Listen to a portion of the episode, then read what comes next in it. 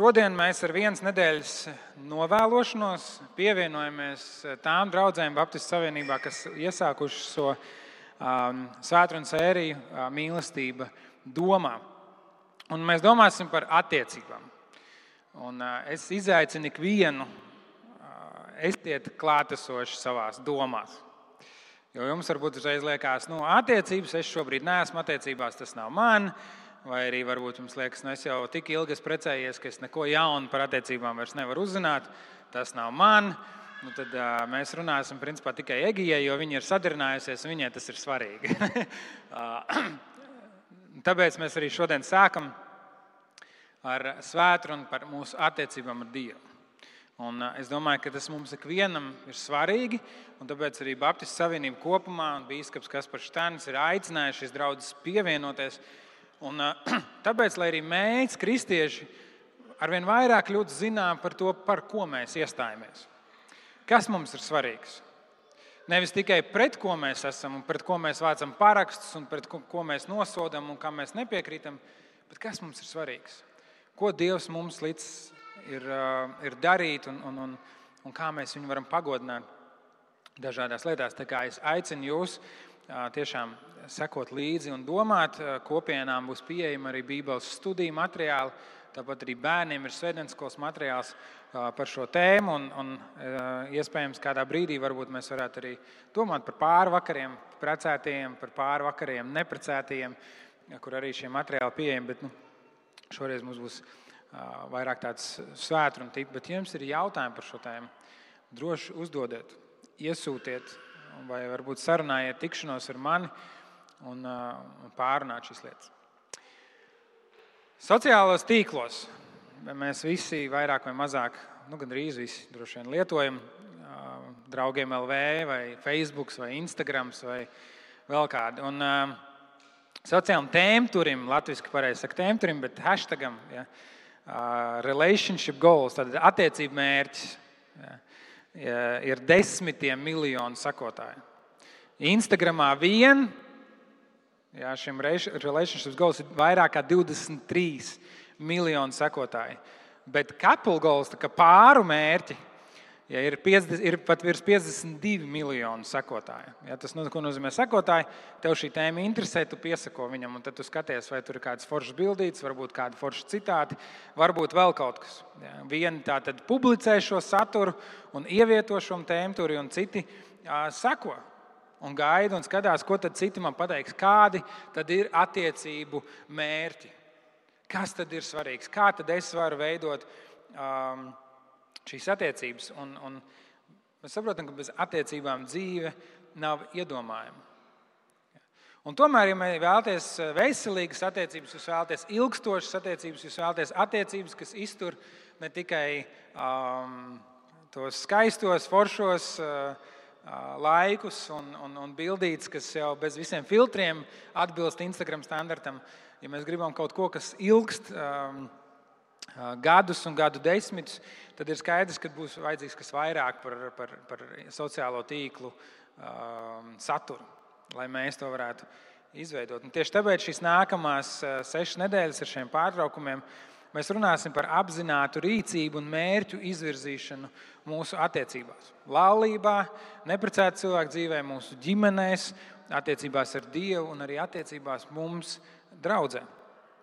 Pāvils raksta Filipiešu draugai: Piepildiet manu prieku, turēdamies vienā prātā, lolodami vienu mīlestību, dvēselēs vienoti ar vienu mērķi. Nestrīdēdamies, ne tukšā lielībā, bet pazemībā, cits citu uzskatīdam augstāku par sevi, neraudzīdamies katrs uz savām, bet uz citu vajadzībām. Un draudzē mēs parasti pievēršam uzmanību garīgai izaugsmai. Tāpēc mēs nākam uz baznīcu, tāpēc mēs esam daļa no draudzes, jo mums dzīvē ir vajadzīgs kas arī šai jomai. Un iespējams, kāda no jums man saka, nu, cik var runāt par attiecībām? Nu, tāpēc, kad ir dažādi pāru attiecību konsultanti, um, ir dažādi specifiski, specifiskas programmas un materiāli. Gal galā ir arī internetā, kur saka, desmit soļi laimīgai laulībai. Izlasīt trijās minūtēs. Ja? Nu, kāpēc, mums jā, kāpēc mums par to jārunā ar baznīcām? Bet visa šī cikla pamatdoma ir tāda, un ņemiet šo vērā. Garīgā izaugsme ir paredzēta attiecību ietvaros. Garīgā izaugsme ir paredzēta attiecību ietvaros. Un es jau vairākas reizes teicis, tāda lieta kā mana personīgā ticība nav bibliska. Aizmirstiet tādu terminu kā mana personīgā ticība. Tava ticība var būt personiska, tai ir jābūt personiskai, tai ir jābūt tuvai. Tai ir jābūt tādai, kas runā uz tavu sirdi un tavu prātu, bet tā nav personīga. Tā tev nepiedara. Jo Dievs ir aicinājis derības attiecībās ar sevi draugu. tu vari pazīt Dievu tikai tādēļ, ka tu esi daļa no draudzes. Tu kļūsti daļa no draudzes ar to, ko Kristus ir izdarījis par eh, tevi pie krusta.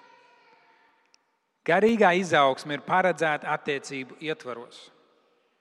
Tā nav viena lieta, viena tāda prakse, viena tāda atvilknīta tavā dzīves lielajā kumodē, kur tu vari teikt, nu, šis ir mans.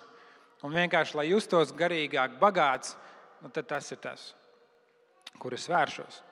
Garīgā izaugsme ir paredzēta attiecību ietvaros.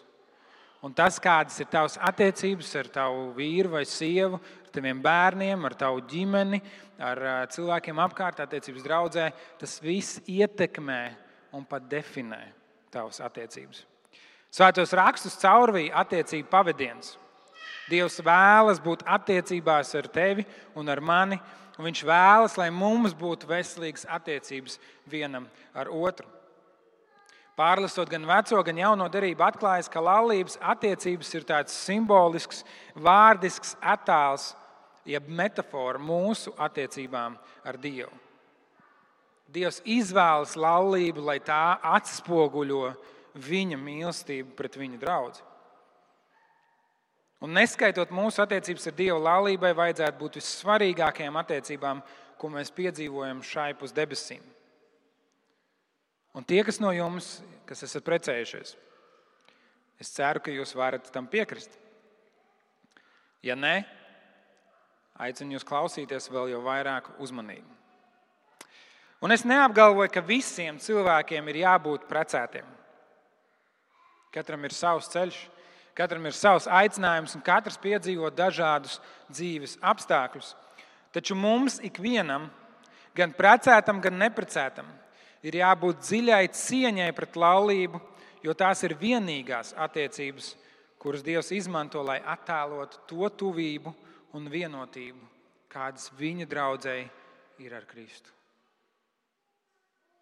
Pat tad, ja mēs neesam laulāti, mums ir jābūt dziļai cieņai un izpratnei par to, ko tas nozīmē. Veselīgas attiecības ir kristīgas dzīves panākumu atslēga. Un, ja ir kāda dzīves joma, kur Dievs vēlas, lai jūs attīstītu un stiprinātu, kurā jūs ieguldītu pūles un enerģiju, tad tās ir jūsu attiecības ar citiem. Un tieši tāpēc mēs šajā svētdienas ciklā aplūkosim dažādas praktiskas padomas, kā strādāt pie savām attiecībām.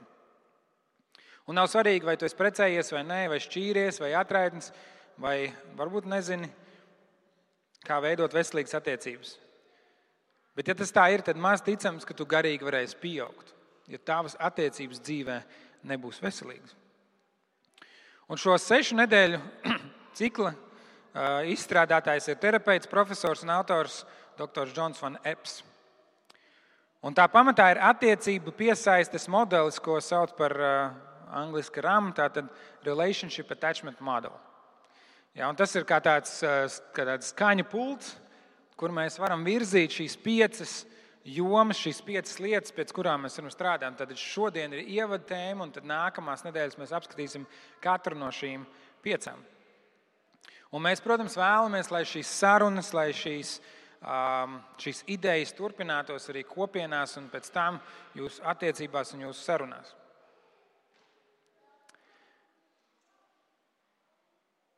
Un, lai gan mēs daudz runāsim par laulību, par romantiskām attiecībām, šie attiecību principi ir svarīgi visās attiecībās, kuras mums ir. un jo īpaši mūsu attiecībās ar Dievu.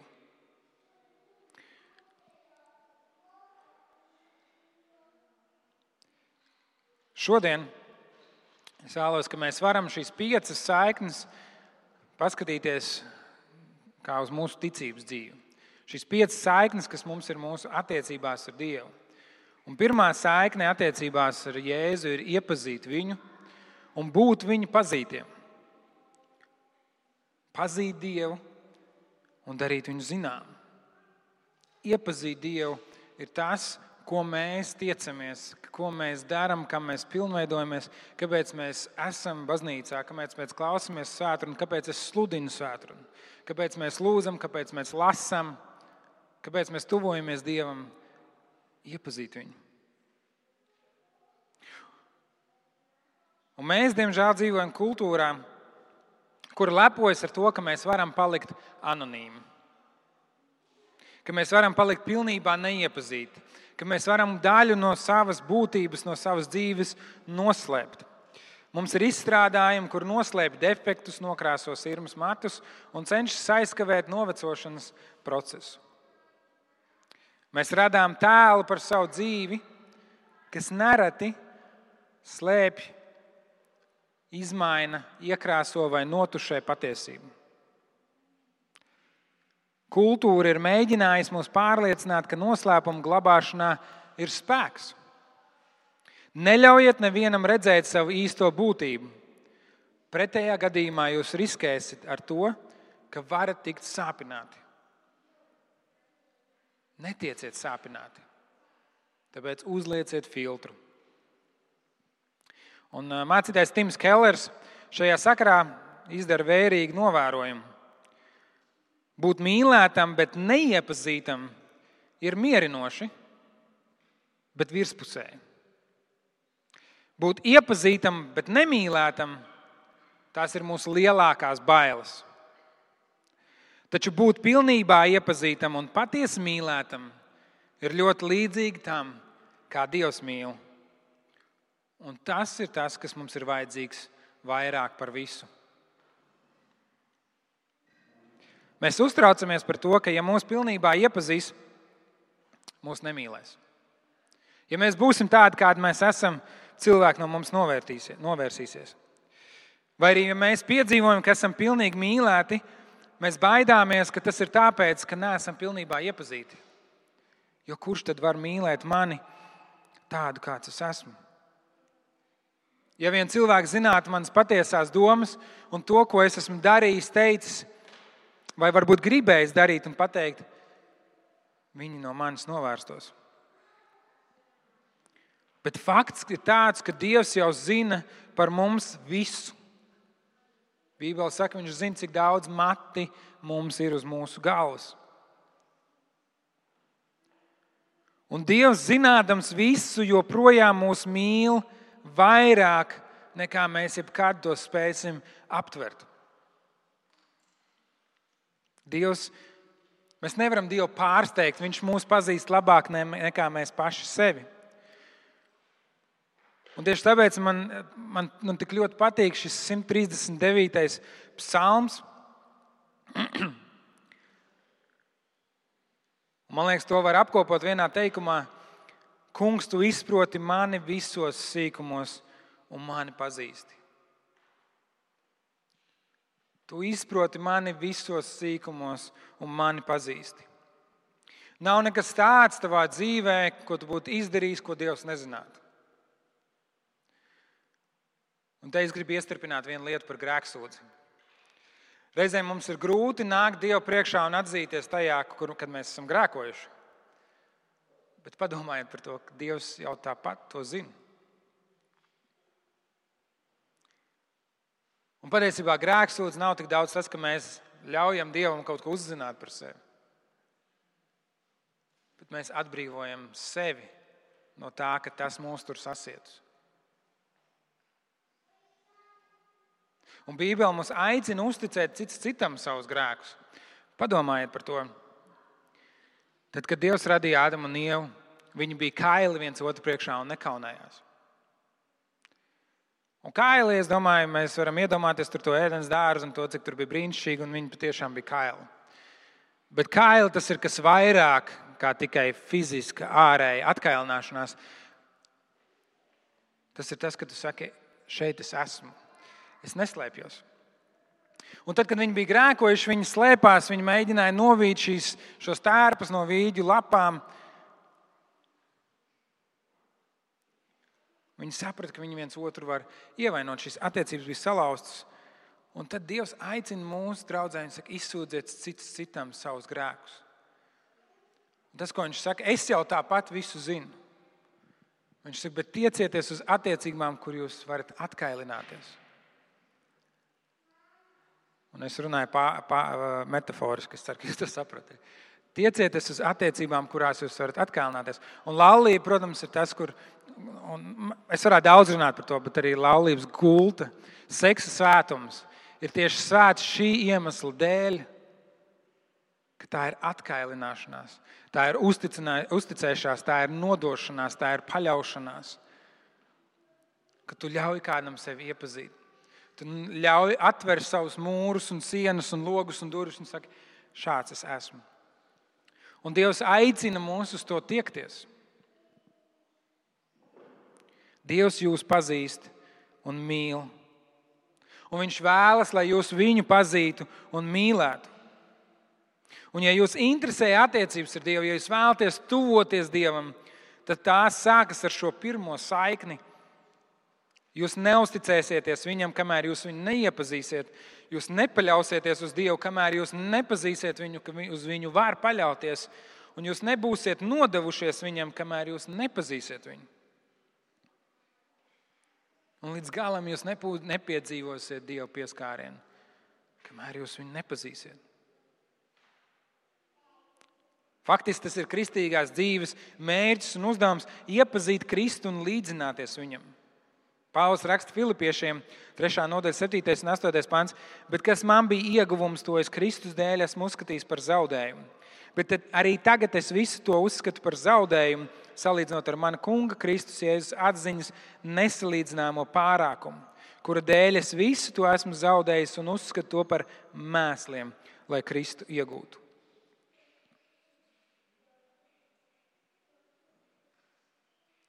Un ir tādi trīs līmeņi atklāsmes, kā mēs varam iepazīt Dievu. Un pirmā ir tāda vispārējā atklāsme. Vēstulē romiešiem, 1. nodaļā, 19. pantā, ir rakstīts, jo ko par Dievu var zināt, tas viņiem ir atklāts. Dievs pats viņiem to atklājis kopš pasaules radīšanas, viņa neredzamās īpašības, gan viņa mūžīgais spēks, gan viņa dievišķība. Ir skaidrs, saredzams viņa darbos, tāpēc viņiem nav ar ko aizbildināties. Daba mums apkārt atklāja Dievu. Tas, kā lietas ir iekārtotas, tas, kā pasaule griežas ap savu asu un ap sauli, un kā tas viss ir savā starpā saistīts, tas atklāja mums Dievu. Tas, kā pavasars atraisa pumpurus un atkal viss zaļo un plauks, tas mums atklāja Dievu. Dievs ir lielāks par mums, Dievs ir spēcīgāks par mums. Un ar šo atklāsmi pietiek, lai mums nebūtu ar ko aizbildināties Dieva priekšā. Bet Dievs ne tikai dod mums šo vispārējo atklāsmi, kas ir visiem cilvēkiem, bet Dievs dod mums īpašo atklāsmi. Viņš sūta mums savu dēlu, Jēzu Kristu, par kuru mēs Jāņa evanģēlīja ievadā lasām. Iesākumā bija vārds, un vārds bija pie Dieva, un vārds bija Dievs. Un vārds tapa miesa un mājoja mūsu vidū, mēs skatījām viņa godību. Tādu godību kā tēva vienpiedzimušā dēla, pilna žēlastības un patiesības. Dievu neviens nekad nav redzējis. Vienpiedzimušais dēls, kas ir pie tēva krūts, tas mums viņu ir darījis zinām.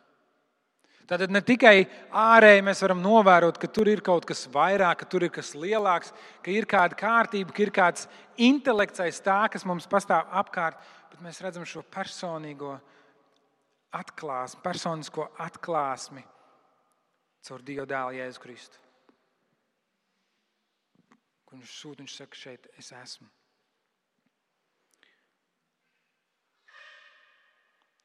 Un tad ir šī trešā specifiskā un tā ir Dievs atklāja mums sevi rakstos. Viņš mums ir dāvājis Bībeli, lai mēs varētu iepazīt viņu. Lai mums veidotos objektīva un skaidra izpratne par to, kas ir Dievs.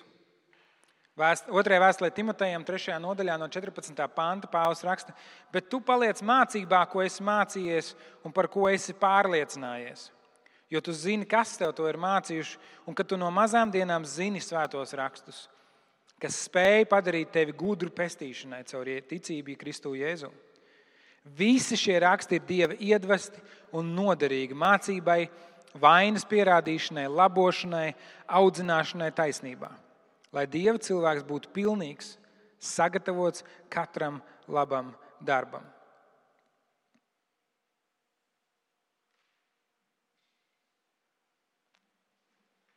Tad viss sākas ar to, ka mēs iepazīstamies ar Jēzu. Bet tāpat kā jebkurās attiecībās, mums nepieciešams nonākt līdz tam, ka mēs nolēmjam uzticēties. Mēs nolēmām uzticēties. Un, un iepazīšanās periods parasti ir tāds, tāds jautrs. Tā ir kā tāda sava veida spēle. Un, un, un, un reizēm mēs varam spēlēt, un, un tas ir interesanti. Reizēm mēs varam spēlēties, un tas jau ir uz robežas ar manipulāciju. Bet, ja jūs tie, kas esat precējušies, kas esat attiecībās, jūs atcerieties to laiku, kad jūs ka jums iepatikās kāds un jūs gribējāt viņu iepazīt. Un, un tā ir ar spēli, kā mēs varam pavadīt laiku kopā, un ko mēs varam uzzināt, un, un ko foršu mēs varam padarīt, un kā es viņu varu pārsteigt, un kā es sevi varu parādīt. Bet tad nonāk brīdis, kur mēs saprotam, un, un droši vien ir dažādi šie brīži, dažādās pakāpēs, kur mēs nolemjam uzticēties. Mēs nolemjam vienoties. Mēs tagad nevis tikai iepazīstamies, bet, bet mēs esam kaut kas. Mēs esam pāris.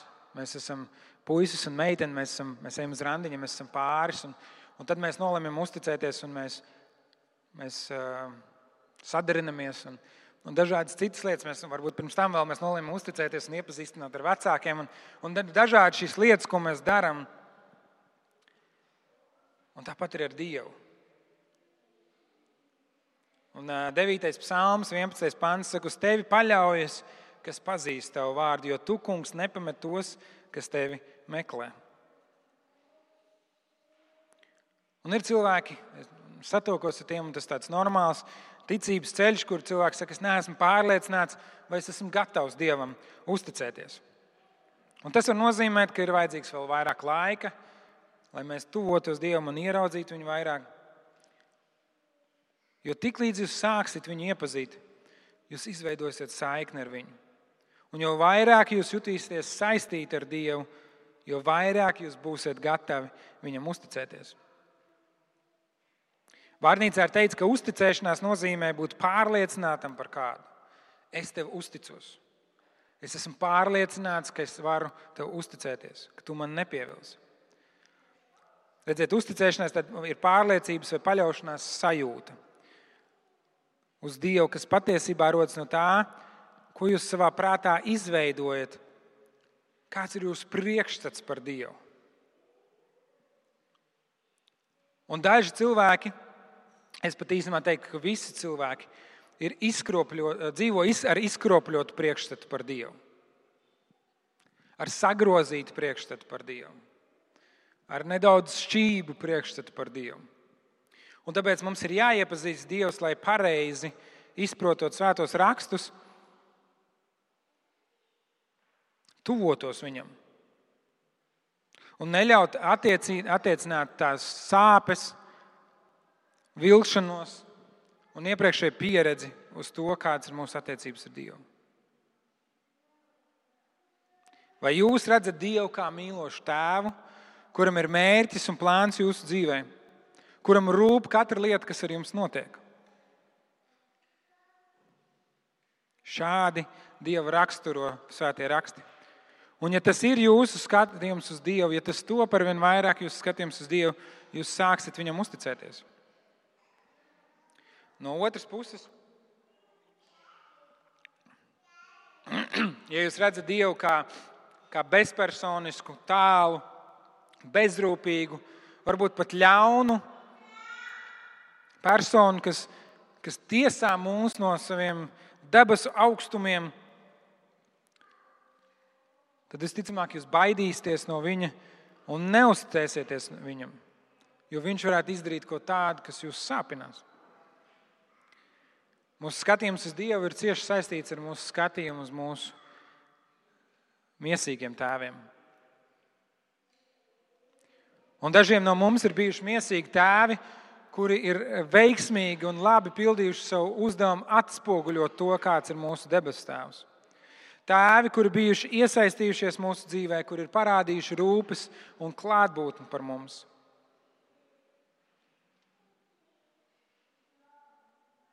Un dažiem no mums ir bijuši tēvi, kuri nav bijuši klāti, kuri mūs ir atstājuši, pametuši, tēvi, kuri nav bijuši eh, mums pievērsušies, vai pat tēvi, kuri mums ir darījuši pāri. Dr. Van Epps stāsta par kādu vecāku vīrieti vārdā Marks, kuram bija šis izkropļotais priekšstats par uzticēšanos Dievam. Kad Marks bija mazs zēns, viņa tēvs aktīvi iesaistījās viņa dzīvē. Viņš spēlēja bumbu, meistaroja lietas, strādāja pie mašīnām. Taču, kad Markam palika 11 gadi, tēvs kļuva par kristieti. Kopš tā laika Marka tēvs mainīja savas prioritātes. Un lielāko daļu laika ārpus sava darba viņš pavadīja apmeklējot baznīcu un veicot dažādas ar baznīcu saistītas nodarbes.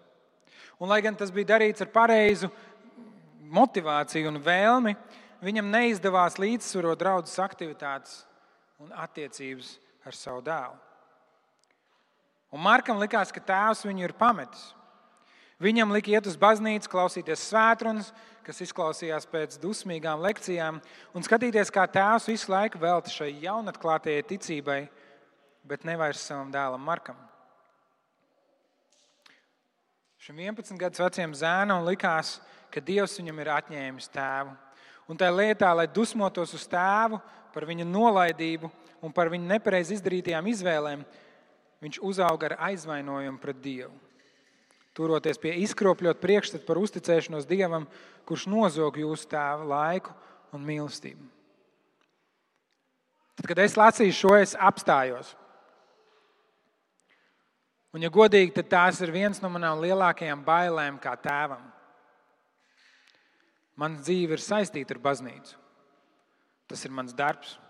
Galu galā tā ir mana dzīvesvieta. Tas ir mans aicinājums, tā ir mana kalpošana. Bet man bērni ir mani bērni. Un es ilgojos, un tas dara mani pazemīgu un reizēm izmisušu Dievu priekšā. Ka es varētu būt tēvs, kurš norāda maniem bērniem uz debesu tēvu, kurš viņus mīl vairāk nekā es, kurš viņus nekad neatstās, pat ja es viņus varētu atstāt. Bet realtātē tas, kā es izturos pret viņiem, ietekmē to, kā viņi redz dabas tēvu. Un teikšu godīgi, tas ir diezgan liels smagums, kur nest. Un tas man liek meklēt Dievu.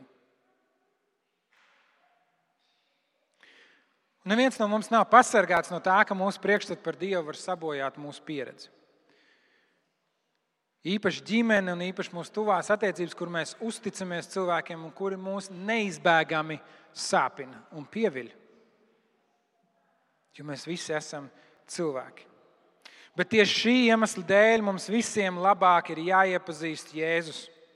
Tieši šī iemesla dēļ es saviem bērniem ik, ik pa laikam cenšos atkārtot, es esmu jūsu tēvs un es jūs mīlu.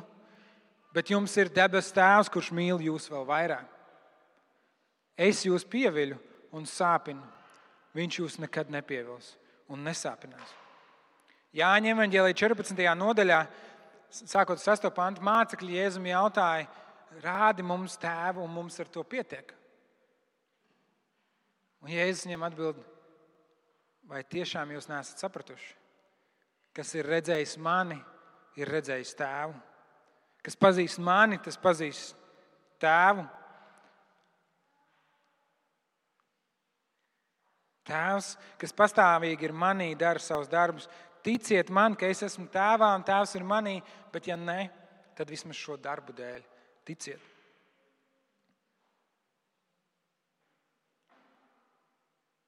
Uzticēšanās ir būtiska katrās veselīgās attiecībās. Šī uzticēšanās, ja pārliecības sajūta patiesībā rodas no tā, kā jūs saredzat šo cilvēku. Un, kad runa ir par Dievu, ir ļoti svarīgi, lai mums būtu pareiza atziņa, pareiza izpratne, pareiza bilde par to, kāds ir Dievs. Un tieši tāpēc mums jābūt gataviem, neatkarīgi no tā, cik ilgi mēs esam kristieši un cik dziļi mūsu pagātnē stiepjas kristīgās saknes, mūsu vecāki, vecāki un tā tālāk. Mums ir jābūt gataviem, ka mūsu izpratne par Dievu mainās svēto rakstu gaismā. Ar svēto rakstu izpratnes un lūkšanas palīdzību Dievs atklājas sevi un Dievs dara mums zināmu.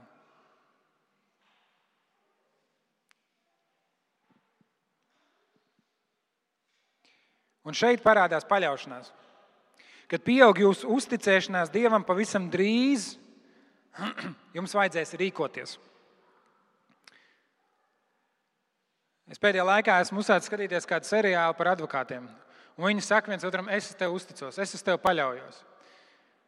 Bet realtātē tiklīdz nonāk kādas grūtības, tā viņi lec viens otru, viņi iejauc viens otru darbā regulāri. Tas ir viens tāds ejošs sižets šajā stāstā. Un ja tu saki, ka tu uzticies, bet tu nepaļaujies, tad tu līdz galam neusticies. Mūsu paļāvība uz Dievu ir uzticēšanās ārējā izpausme, jeb, jeb tas, kā mūsu uzticēšanās parādās darbībā. Un uzticēšanās un paļaušanās iet roku rokā. Patiesībā šo vārdu uzticēšanās mēs, kristieši, varētu aizstāt ar vārdu ticība. Jo tieši tas ir tas, kas bibliskā izpratnē nozīmē, tad, kad tu tici Dievam, tu nevis vienkārši tici, ka Viņš ir, bet tu uzticies. Jūs visi sēžat šajos brūnajos krēslos, nu, daži nē, daži sēž uz zemes. Un es varētu apgalvot, ka viņi to dara, tāpēc ka viņi neusticās šiem brūnajiem krēsliem.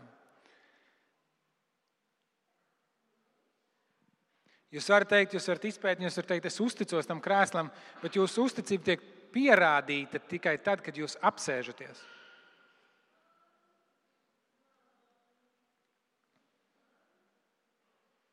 Jēkab vēstulē Jēkabs raksta, viņš saka, ko tas palīdz man, brāļi, ja kāds teica, ka tam esot ticība, bet tam nav darbu.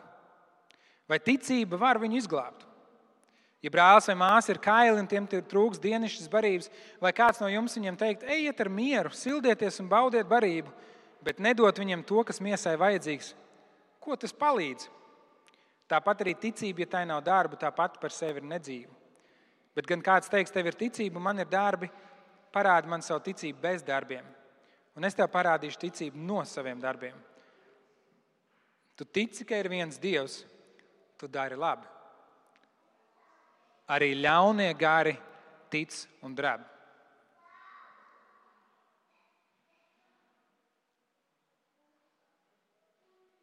Un ikvienam no mums attiecībās ir Dieva kāda no šīm piecām jomām, varbūt vairāk attīstīta un kāda mazāk. Un tāpēc mums pie tās arī ir aicinājums strādāt. Dažiem no jums ir daudz zināšanu par Dievu, taču tās nav attīstījušās līdz pareizam priekšstatam par Dievu. Mēs zinām par Dievu daudz, bet mums nav šī dziļā pārliecība. Savukārt citi var dziļi ticēt Dievam, bet viņiem trūks šī paļaušanās, šī ticības soļu, ka mēs pilnībā paļaujamies uz Dievu un kļūstam atkarīgi no Viņa. Jēkabs mums brīdina un saka, ir iespējama šī ticība bez paļaušanās. Viņš saka, tu tici, ka ir viens Dievs, tu dari labi. Tas ir labs sākums, bet arī vēlni tic un dreb. Tad vēlns labāk nekā mēs zinām, ka Dievs ir, ka Viņš eksistē un Viņš zina, kāds Viņš ir. Bet Viņš nepaļaujas uz Dievu, Viņš nedzīvo pēc Dieva principiem, Viņš neseko Dieva norādījumiem. Un tas ir tas, uz ko mēs esam aicināti paļauties uz Dievu. Un ir iespējams, ka cilvēkam ir, ir stipra ticība kaut kur iekšā, bet viņš paļaujas noteiktās situācijās, kur nāk kāda krīze vai izaicinājums, varbūt tieši otrādi. Situācijās, kur viss ir tik labi un vienkārši un viss kā ir gana, cilvēks paļaujas uz saviem īpašumiem, uz savu naudu, uz savu ietekmi vai uz saviem talantiem un prasmēm. Mēs sakām, Dievs, es tev ticu, es paļaujos, veid mani, un mēs nonākam kādā situācijā, mēs sakām, ne, Dievs, šito es pats tikšu galā. Šitais ir uz mani. Izrēlieši, Izraēla tauta vecajā derībā ticēja vienam patiesam dievam, taču tik bieži viņi nepaļāvās uz viņu. Viņi meklēja palīdzību, kad kāds nāca viņiem uzbrukumā. Viņi meklēja palīdzību pie citām tautām, teica, nāciet mums palīdzīgā, glābiet mūs. Un Dievs zina, kas mums ir vajadzīgs, Viņš vēlas šīs vajadzības apmierināt. Tomēr mēs tik bieži zin, domājam, ka mēs zinām labāk. Mēs domājam, ka mums ir labāks plāns nekā mūsu debesu tēvam. Mēs vēlamies izmantot savu loģiku un iegūt atbildi tā, lai mēs izskatītos labi un lai tas nebūtu pārāk riskanti. Mēs gribam dzīvot drošībā. Bet Dievs vēlas, lai mēs pilnībā paļautos uz Viņu. Tāpēc Viņš mūs ved pa citu ceļu. Atcerieties, kad Jēzus nāca pūdens virs pie saviem mācekļiem. Un Pēters jautāja, vai tas esi tu? Pēterim bija izpratne par to, kas ir Dievs, kas ir Jēzus. Viņš saka, ja tas tu, liec man nākt. Liec man nākt. Viņš saka, es, es ticu, ka tu, ka tu to vari. Ja tu pats staigā, tu to vari. Un Jēzus viņam atbild, kā pārā no laivas un nāc. Kā pārā no laivas un nāc.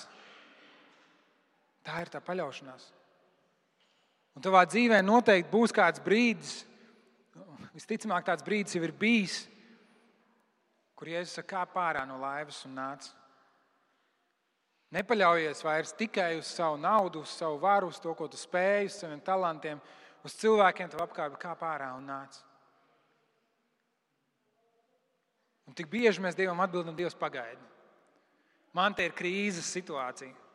Es to atrisināšu, un tad es sākšu domāt par to. Un, tā, kad... un tas ir tik atgāni, jo mēs domājam, ka mēs varam nākt pie Dieva no, no savu komforta.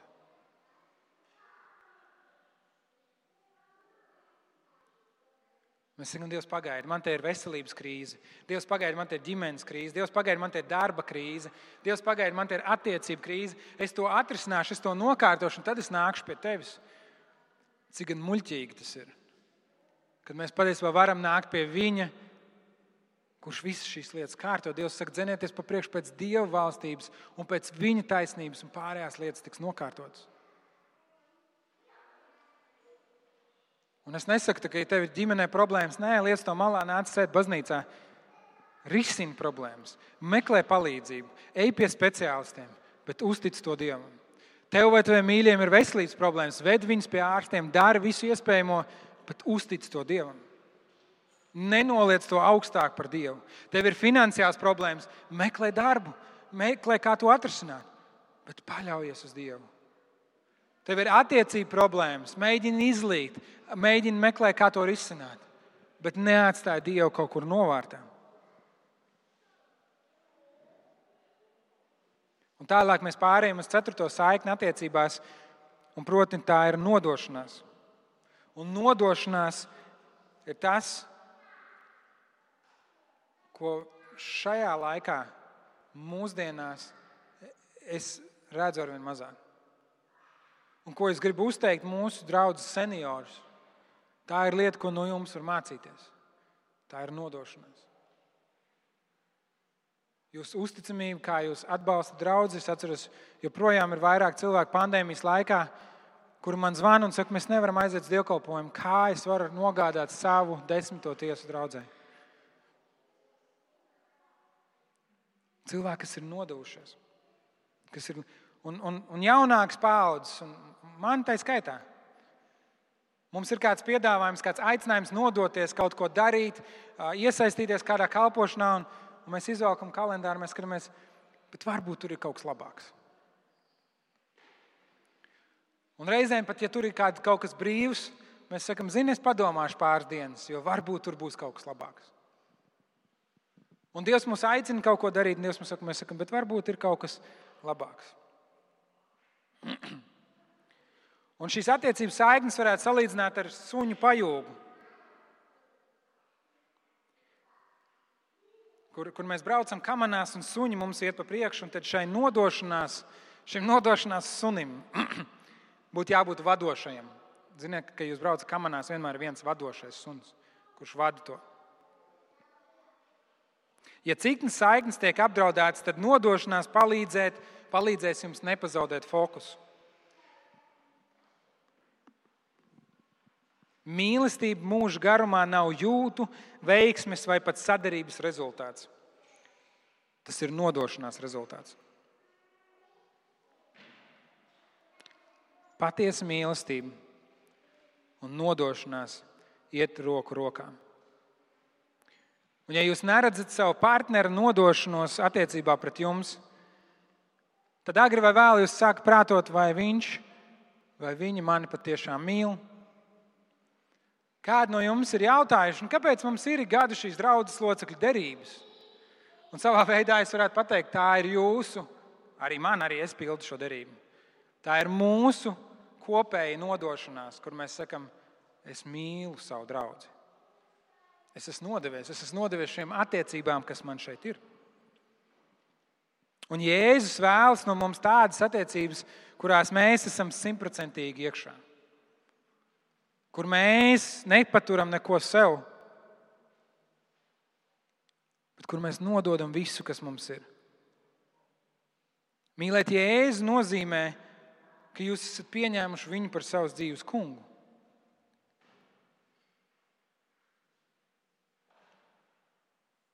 Kad Jēzus teica, viņš sastaps savus mācekļus, viņš teica, nāc un seko man. Un tas iekļāva to, ka mācekļiem bija jāatstāj savu tīkli savus nodarbus aiz sevis.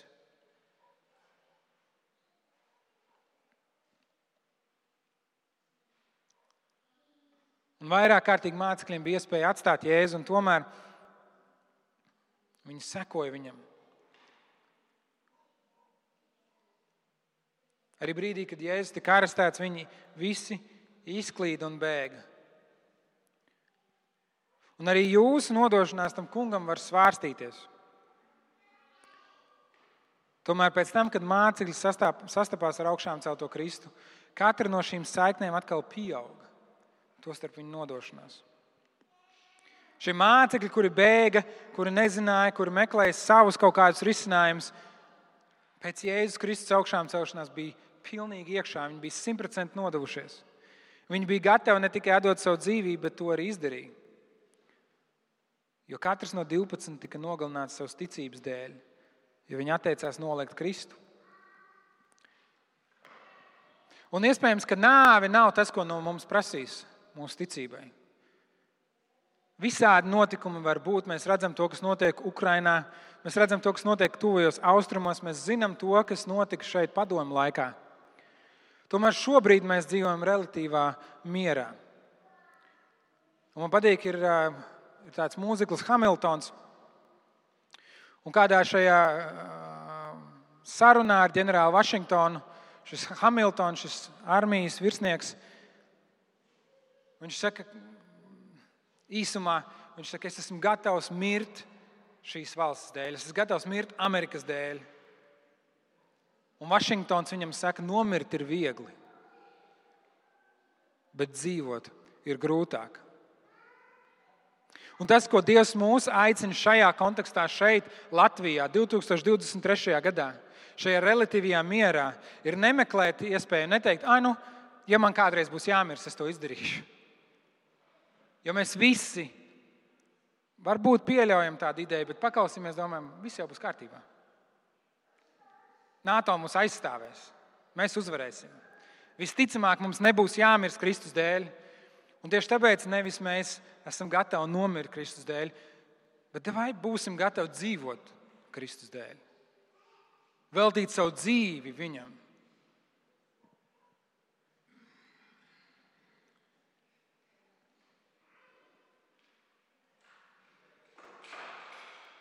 Mums jāsaprot, mūsu attiecības ar Kristu ir nepilnīgas. Tāpēc, ka mēs ne, neticam pilnīgi, mēs nepazīstam pilnīgi, mēs nezinām visu pilnīgi. Mēs varam paļauties. Mēs varam uzticēties, mēs varam veltīt sevi, lai viņu iepazītu, mēs varam nodoties. vēstulē ebrejiem, ir šis aicinājums šodien, ja dzirdat viņa balsi, neapcietiniet, neapcietiniet savas sirdis. Jēzus jūs aicina viņu dziļāk iepazīt, viņam uzticēties, uz viņu paļauties un viņam pilnīgāk nodoties. Un tad ir šī pēdējā saikne, pieskāriens. Jūs varētu domāt, kāds sakars fiziskam pieskārienam ar mūsu attiecībām ar Dievu. Dievs pieskaras mūsu sirdīm un dzīvēm dramatiskos veidos. Mums katram iespējams ir stāsts, kur mēs varam teikt, tas bija Dievs. Bet fizisks pieskāriens. Un pieskāriens ir daļa no šīm attiecību saiknēm, jo mums ir fizisks ķermenis. Un Dievs augstu vērtē mūsu ķermeni, Viņš to mums ir devis. Un Dievs vēlas, lai mēs viņu pielūdzam garā un ar ķermeni. Vēstulē romiešiem 12. nodaļas 1. pantā teikts, es lieku jums pie sirds, brāļi, Dieva žēlstības vārdā nodot sevi pašus par dzīvu, svētu, Dievam patīkamu upuru. Tā lai ir jūsu apzinīgā kalpošana. Jūs nepielūdzat Dievu tikai garā. Kā jūs teicat, tā nav vienkārši tāda maza atvilknīte mūsu dzīves lielajā komodē, kur mums ir šis garīgums. Lai mūsu dzīve būtu pilnīgāka, mēs pielūdzam Dievu ar visu, kas mēs esam. Un Mateja evanģēlīja 25. nodaļā ir kāda līdzība, kur Dievs stāsta par, par, par laiku beigām un par to, kā Dievs atšķirs tos, kas viņam ir sekojuši, un tiem, kas viņam nav sekojuši. Viņš saka, jūs esat mani uzņēmuši. Kad es biju izsalcis, jūs man pāēdinājāt, kad es biju izslāpis, jūs man padzirdinājāt, kad es biju svešinieks, jūs man uzņēmāt, kad es biju pliks, jūs mani apģērbāt, kad es biju slims, jūs mani apmeklējāt, kad es biju cietumā, jūs nācāt pie manis. Un viņi jautāja, kad tad mēs to darījām, un ja es saku to, ko jūs vienam no šiem mazākajiem esat darījuši, to jūs esat darījuši man. Jūs varat pieskarties Dievam fiziski, pieskaroties citu cilvēku dzīvēm. Jūsu mīlestības un žēlstības izpausmes, kad palīdzat citiem cilvēkiem, darat visu iespējamo, lai apmierinātu citu cilvēku vajadzības, vai izrādat savu mīlestību praktiskā veidā. Šie pieskārieni cilvēku dzīvēm patiesībā pieskaras Dieva būtībai. Taču vēl vairāk. Noslēdzot šo svētdienu, es gribu, lai jūs dziļi padomājat par Jēzus pieskārienu. Jēzus uz visiem laikiem apzīmogoja mīlošu un sirsnīgu pieskārienu vietu mūsu attiecībās. Tā skaitā ar Dievu. Jēzus iemiesojās. Bībelē teikts, viņš ne, neuztvēra to kā pazemojumu vai laupījumu no savu debesu troņa, nokāpt un būt kā mazs bērns. Ar savām fiziskajām vajadzībām, ievainojams, Kāds, kurš ir visuma radītājs un visuma ķēniņš, kļūst par mazu bērnu un pakļauj sevi cilvēku priekšā. Un šis ķermenis, jē, kur Jēzus iemiesojās, šis ķermenis tika piesists krustā. Kad Jēzus augšām cēlās, viņš sastapās ar saviem mācekļiem.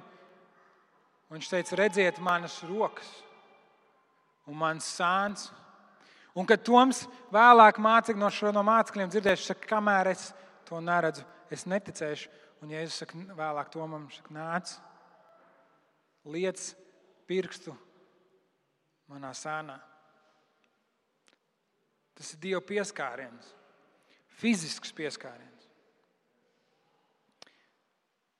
Iemiesošanās ieveda mūžības dievu šeit uz zemes, kur ir cilvēciskie pieskārieni un augšām celšanās ienesa cilvēcisko pieskārienu mūžības valstībā.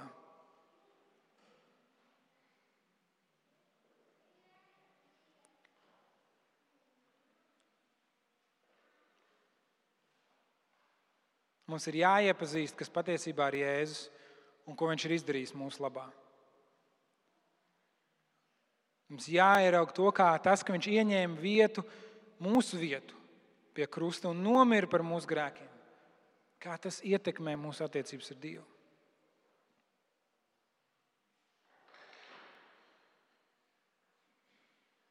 Bet ar zināšanām, ar izpratni vien nepietiek.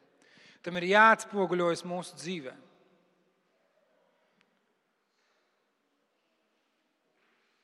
Bet tas ir tikai sākums.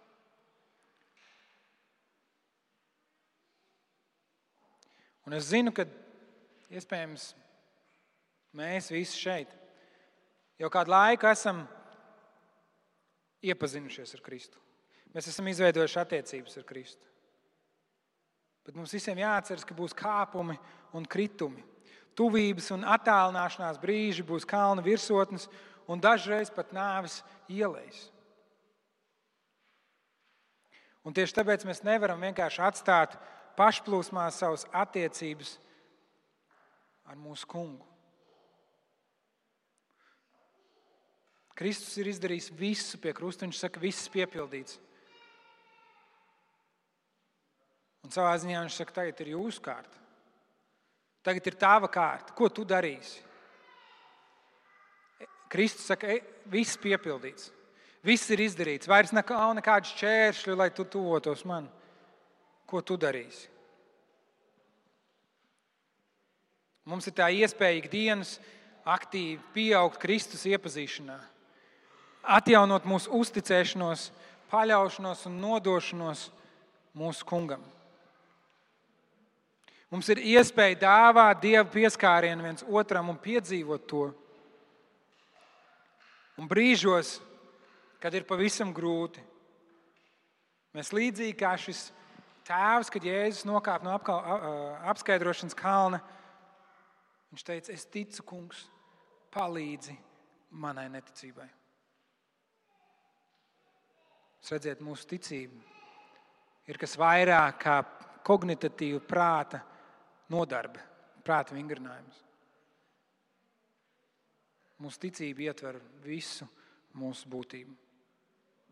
Tās ir attiecības, kas ir tikai vairāk par to, kā, kas ir mūsu kaut kāda garīgā nodošanās. Tās ir attiecības, kas atbalsojas tajā, kā mēs izturamies viens pret otru.